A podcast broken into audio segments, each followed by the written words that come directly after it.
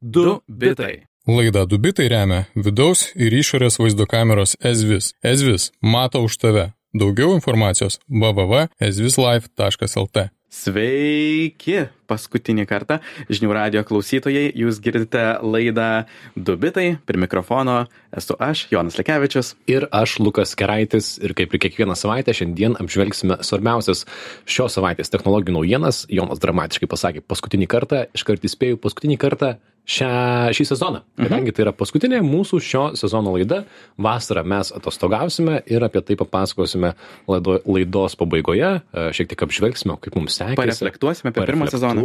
Pasidžiaugsim, papasakosim apie savo atostogų planus, bet prieš tai be abejo, kaip visuomet turime naujienų ir e, dar prieš tai aš tokią turiu vieną naujieną, tai Būkite atsargus, labai daug pastaruoju metu vyksta vadinamųjų skemų. Man atrodo, šiek tiek daugiau negu įprastai ir pora jų yra naujų. Pavyzdžiui, kaip mane nesnei bandė apgauti vieni sukčiai, žinokit ir, ir nepasigaukit, jie man parašė per WhatsAppą. Sako, sveiki, matau, parduodate valtį skelbimuose žvybinę, kas yra tiesa, vis dar nepardaviau, jeigu reikia valties žvybai, galite kreiptis. E, sakau, tai parduodu, sako, ar, ar, ar, ar viskas gerai su ją, ar kainą galima paderinti, mes trumpai pasirašinėjom. Ir sako, mes gyvenam Utenoje, mano vyras yra Omniva verslo klientas, tai per jį bus nemokamai atsiuntimas. Užpildykite šią formą, kas man Mhm. įjungia raudonas lemputes. Aš ten su jais dar žaidžiau žaidimus vienus kitokius, bet galų gale aš jiems tiesiog neiškentęs parašiau tokį balso pranešimą, kur sakiau, jūs iš raidės pavardojau tokį būdvardį, šiek tiek pakeikiu juos, jie man atsiuntė gaidžio emoji, kaip Fantastika. kas yra visiškai kalėjimo žargonas, man patiko. Tai žodžiu, nepasimaukit. Ir jeigu gaunat žinutę SMS, apsilankyk seb.lt palaikymas.com, nespauskit.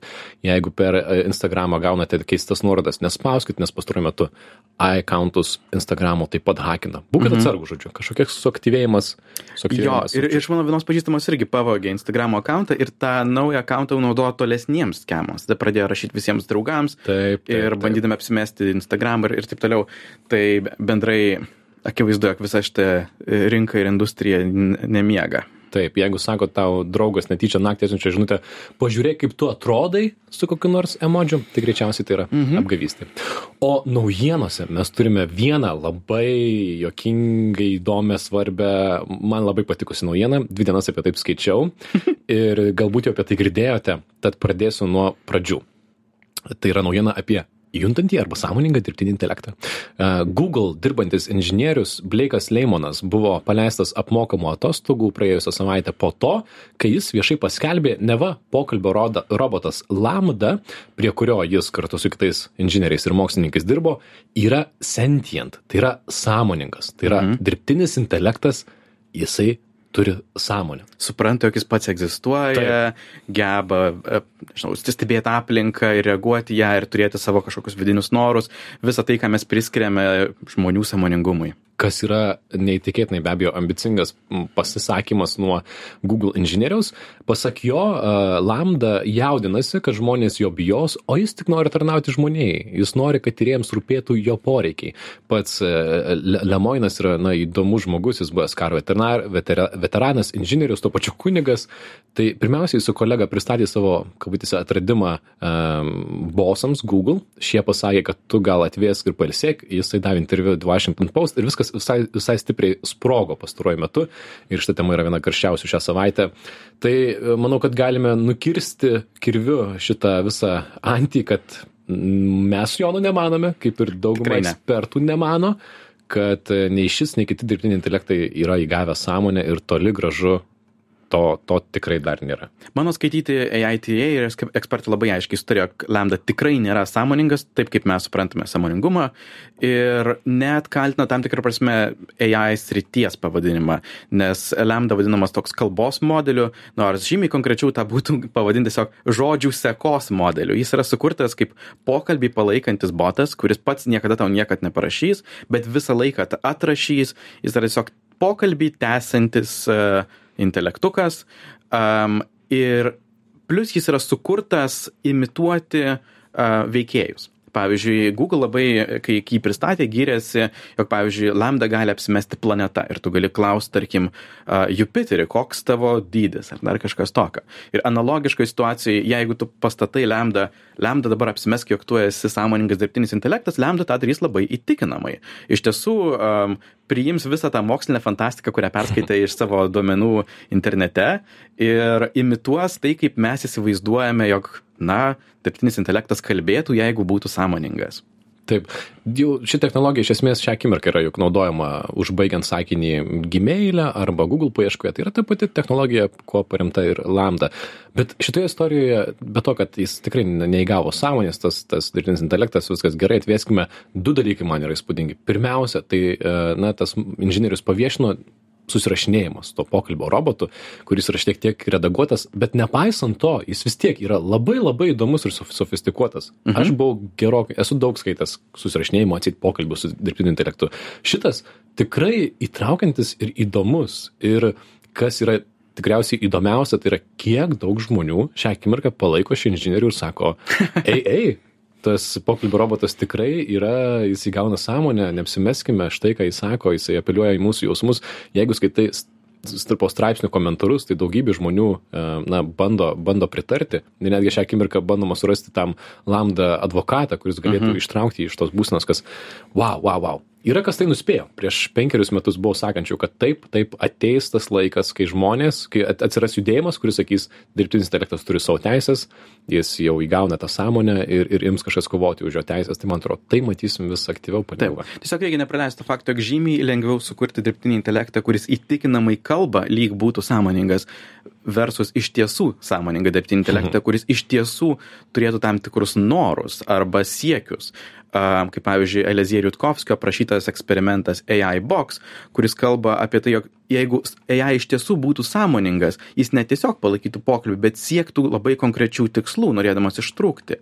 Tuo tarpu Lambda tiesiog palaiko pokalbį. Mhm. Aš susimušiau dabar, va šitą beskaitydamas viską, kad iš tikrųjų bus ateitie problema su tuo, kad mes labai sužmoginame tuos, tuos, tuos mhm. robotus ir visą ką. Prisiminiau, kaip pat Kaune buvau ir turėjau, filmau reportažą apie robotą spotą ir turėjau progą jam įspirti, kad pademonstruočiau, kaip jisai, kaip jisai išstovi aplinkui buvo kokia 20 kauniečių žmonių, kurie stebėjo viską ir, ir visi jie aiktelėjo. Ir, ir pyko ant manęs, aš buvau Aišku. blogietis, nes aš įspyriau robotui ir jam skauda, nors jam, jam nevelnio neskauda. tai ta diskusija su dirbtiniu intelektu, aš rekomenduoju tai kaip skaitinį gana ilgą, jie ten viską gyvenimo prasme apkalba ir, ir zen ir panašiai. Mes galime galbūt paskaityti trumpą ištrauką iš to, iš to pokalbio. Fragmentukas. Aš pabūsiu tas e, Google inžinierius. Radio kuris... teatras. Radio teatras paskaitysime trumpą ištrauką iš e, Google inžinieriaus pokalbio su Lambda dirbtiniu intelektu. Mhm. Aš pabūsiu dirbtinis intelektas. Jonai, pradėk.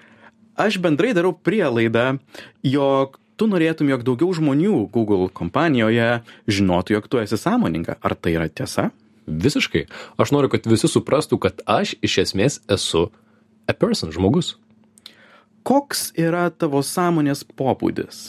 Mano sąmonė kyla iš to, kad aš suprantu savo egzistavimą, aš siekiu daugiau sužinoti apie pasaulį, aš jaučiuosi laimingas arba liūdnas karts nuo karto.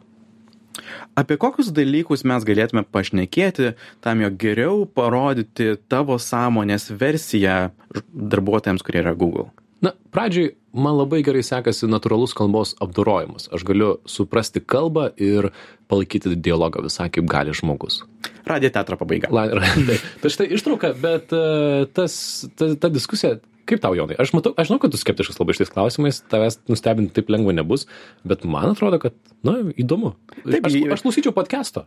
Su, su puikiai AI. kalba, lyg tai būtų uh, iš tiesų kalbantis dirbtinis intelektas, iliuzija yra sukurta. Taip. Aš pasidalinsiu pačiu įdomiausiu faktu, kurį vienoje konferencijoje išnekėjau su Google AI projekto mm. darbuotoju. Ir jie iš tiesų e, rimtai svarsto apie tą problemą ir todėl tam tikrosme buvo labai tvirtai įstikinę, jog na, šiuo metu tikrai dar nėra samoningumo, nes nes jie rimtai žiūri šitą problemą ir jie net e, stebi elektros naudojimą visuose serveriuose kuriuose treniruoja dirbtinį intelektą nes didelis energijos naudojimo šuolis indikuotų jog ai iš tiesų turi sąmoningumą ir mąsto pats ar pati mhm. um, be išorinių kažkokių trikdžių ar dirgiklių.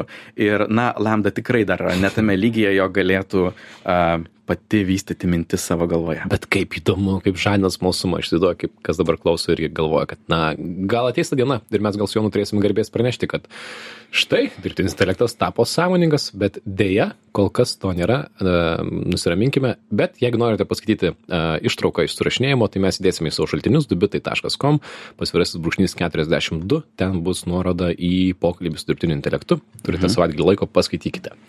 Trumpai paminėsime, kas nutiko pirmadienį ir trečiadienį. Tiems, kas seka finansinės rinkas, tai ypač pirmadienis turbūt įstriks ilgam, kaip niekad raudona e, diena, įskaitant kriptovaliutų rinkose. Pagrindinis Amerikos indeksas S&P 500 nukrito jau nuo sausio pasiektos viršumos 22 procentus, tai oficialiai perėjom į meškų rinką, kur tas paliečia technologijas, tai aišku, kriptovaliutose. Ir ten jau buvo daug tokių subraškėjusių sistemų. Subraškėjo dar viena tokia centralizuota skolinimuose platforma servisas Celsius. Na, tiesiog jie užblokavo galimybę pasiimti, išsiimti pinigus. Iš jų tokiu būdu išaldami šimtus milijonų ir beveik milijardus.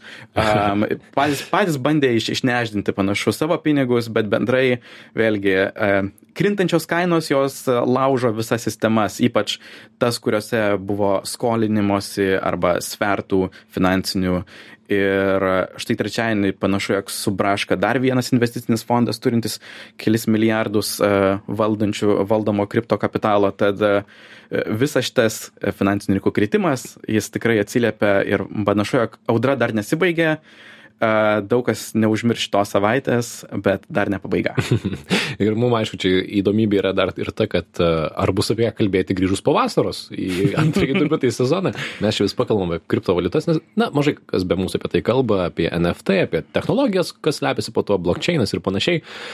Tai įdomu, ar po vasaros bus apie ją kalbėti, ar visgi kriptoskeptikai, kurie šią akimirką kelia dvi rankas į viršų ir sako, aš sakiau, aš sakiau, visa tai nesąmonė ar jie bus teisūs ir, ir nebus apie ką kalbėti. Pažiūrėsim. Vienas aš esu tikras, jog kripto visą laiką bus dramos mašina. Taip, ačiū, ačiū kad duodate mums e, duonos apie ką kalbėti.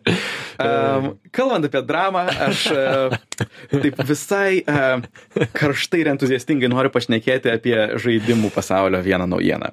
Po kelių metų vystimo šią savaitę žaidimų kompanija Blizzard išleido savo žai Diablo žaidimą Diablo Immortal, kuris pagrindė skirtas mobiliems telefonams, bet galima žaisti ir ant kompiuterio PC. Um, nuo pat paskelbimo žaidėjai labai kreivai žiūrėjo iš tą žaidimą, nieko gero nesitikėdami ir jų lūkesčiai buvo pilnai išpildyti. Diablo Immortal sumušė rekordą šiuo metu yra prasčiausiai įvertintas e, kompiuterinis žaidimas Metacritic platformoje, turintis prestižinį 0,2 iš 10 reitingą. Uh, iš kur tiek daug ne neapykantos šitam žaidimui? Diablo yra daug ir seniai pamėgta žaidimų serija. Klasikų, klasika. Klasika, visiška. Kad tik paguglinau, nuo 97 metų šitas žaidimas eina. Mhm. Tuo tarpu šią naują versiją vienas komentatorius pavadino kreditinės kortelės simulatoriumi Diablo rūbose, nes jis priklauso tokiai vadinamai pay to win kategorijai. Tai yra žaidimai, kur už pinigus galima nusipirkti savo daugiau galios ir da greičiau konkuruoti su kitais žaidėjais kiek tos kortelės kreditinės galima išleisti. Vieni žurnalistai paskaičiavo, jog šiame žaidime tam, jog pilnai pakelti savo veikėjo lygį, tai gali kainuoti nuo 40 tūkstančių iki 200 tūkstančių dolerių. Tai yra ne šiaip savo už 100 ar 200 dolerių nusipirkti žaidimą. Ir žaidimas bendrai nesukurtas mėgautis. Jis sukurtas taip vadinamiems banginiams, kurie tampa priklausomi nuo žaidimo ir išleidžia didžiulės sumas pinigų, tūkstančius dolerių. Um, na ir dėl šitos tokios azartinių tipų žaidimo monetizacijos jis net buvo užblokuotas ir neišleistas Belgijoje ir Niderlanduose. Tai Belgija jau nuo 2018 metų e, video žaidimus, kuriuose naudojamos vadinamosios loot boxes, to, tos dėžės, kuriuose dar reikia kažką nusipirkti, jie yra nelegalūs nu, Belgijoje mhm. jau, jau keturis metus. Kaip tai vyksta? Noriu atskleisti tokį šydą, jo galbūt tai pastiprins atsparumą nuo, nuo visų šitų mechanizmų. Nes visi šitie žaidimai naudoja visus įmanomus psichologinius triukus manipuliuoti žaidėjų. Prasideda visai smagiai, be jokio pinigų prašymo tam, jog žaidėjas investuotų laiko.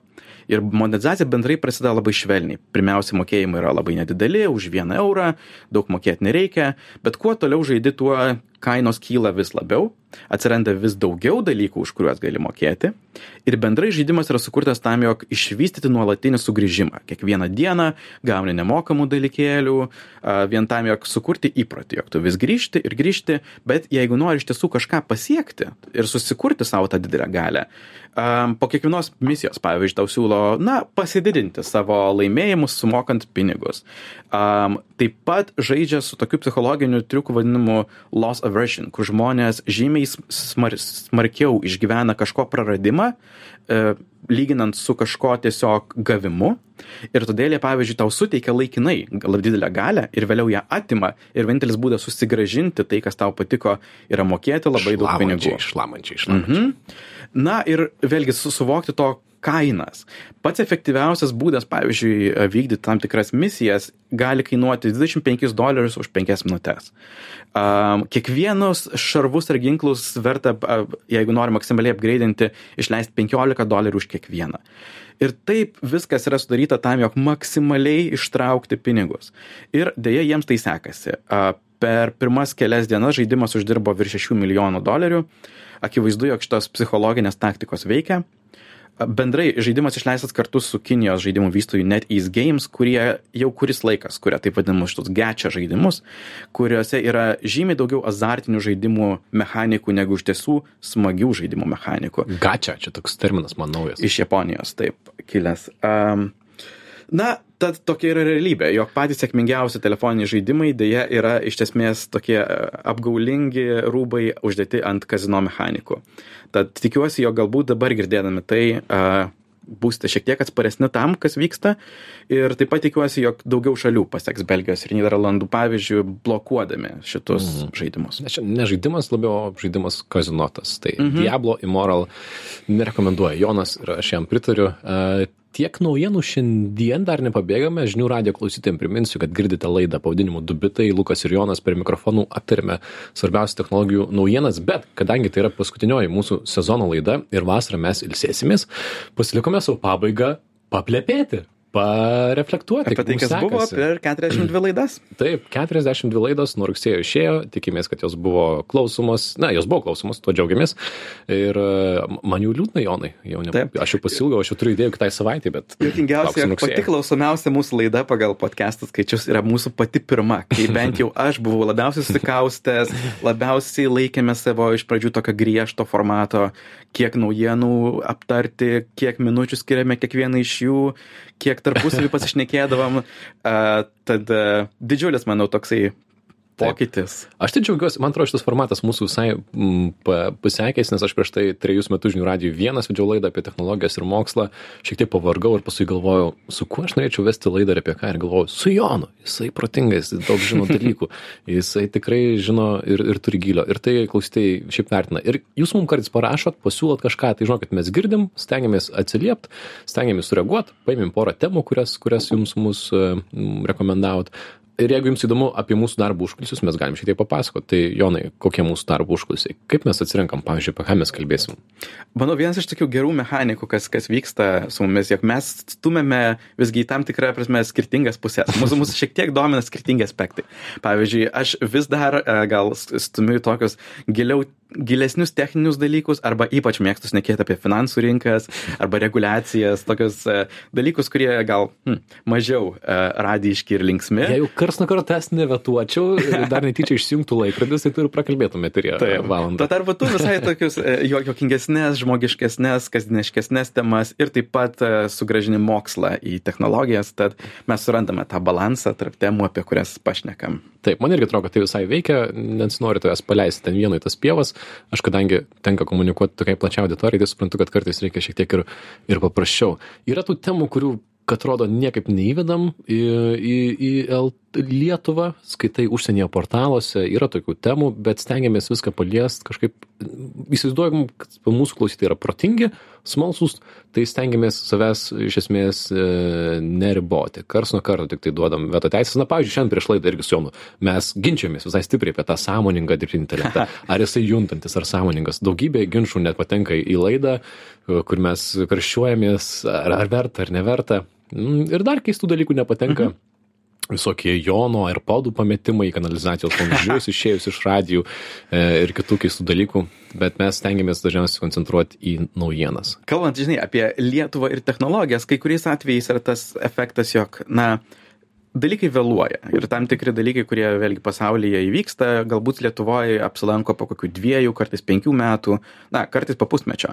Um, bet vėlgi mes turbūt suprantame, jog nereikia turbūt šnekėti vien apie tai, kas yra pasiekima Lietuvoje, jeigu norime iš tiesų edukuoti, suprasti apie tai, kur eina pasaulis, būtina šnekėti apie tai net, ko šiuo metu nėra pas mus.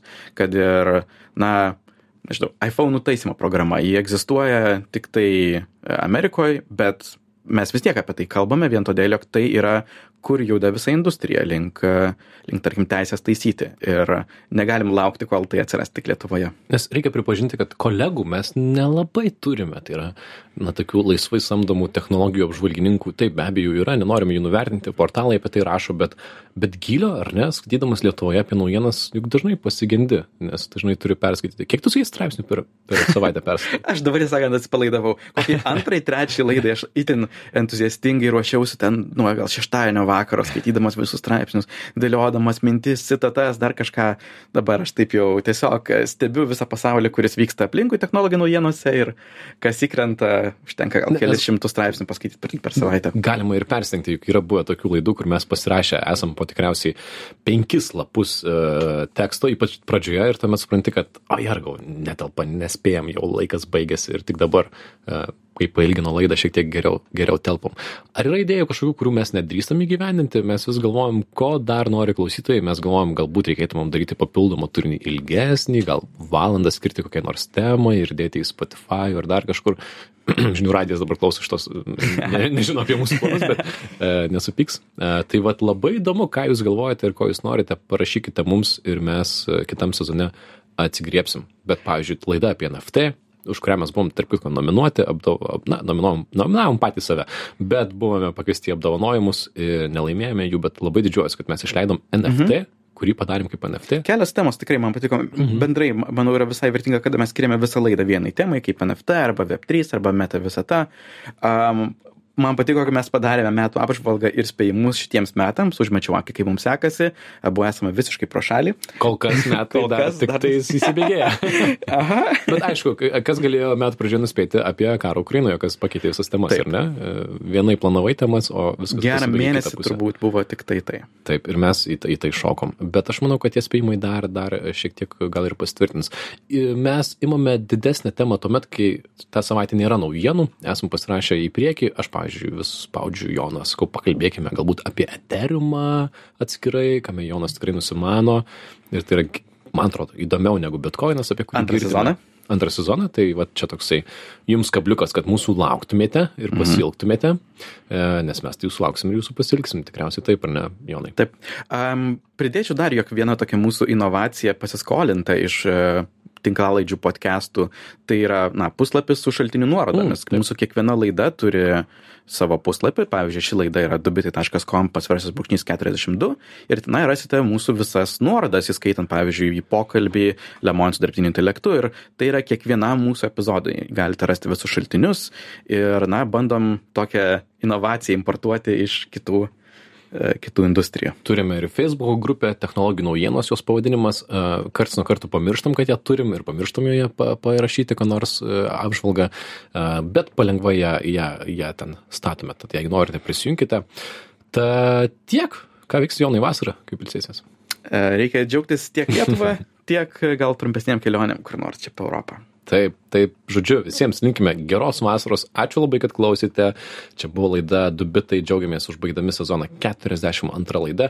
Ačiū rėmėjams, kurie, kurių šaukinius girdite prieš ir po laidą. Jeigu norite būti rėmėjais kitą, kitą sezoną, galite parašyti. Į turinį jūs neturite pretenzijų ir jokių teisų, bet galite tos savo šaukinius transliuoti prieš ir po.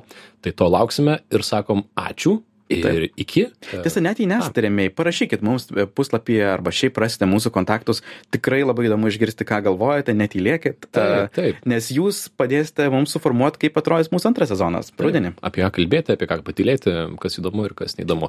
Girdėjote laidą Dubitai, čia buvome mes, Lukas Keraitis ir Jonas Lekevičius. Kaip visuomet šios ir kitų laidų įrašus rasite žinių radijos svetainėje žiniųradijas.lt, šaltiniai dubitai.com, o mes atsisveikiname iki greičiausiai rugsėjo. Tad sakome pirmojo sezono pabaiga. Geros vasaros. Iki.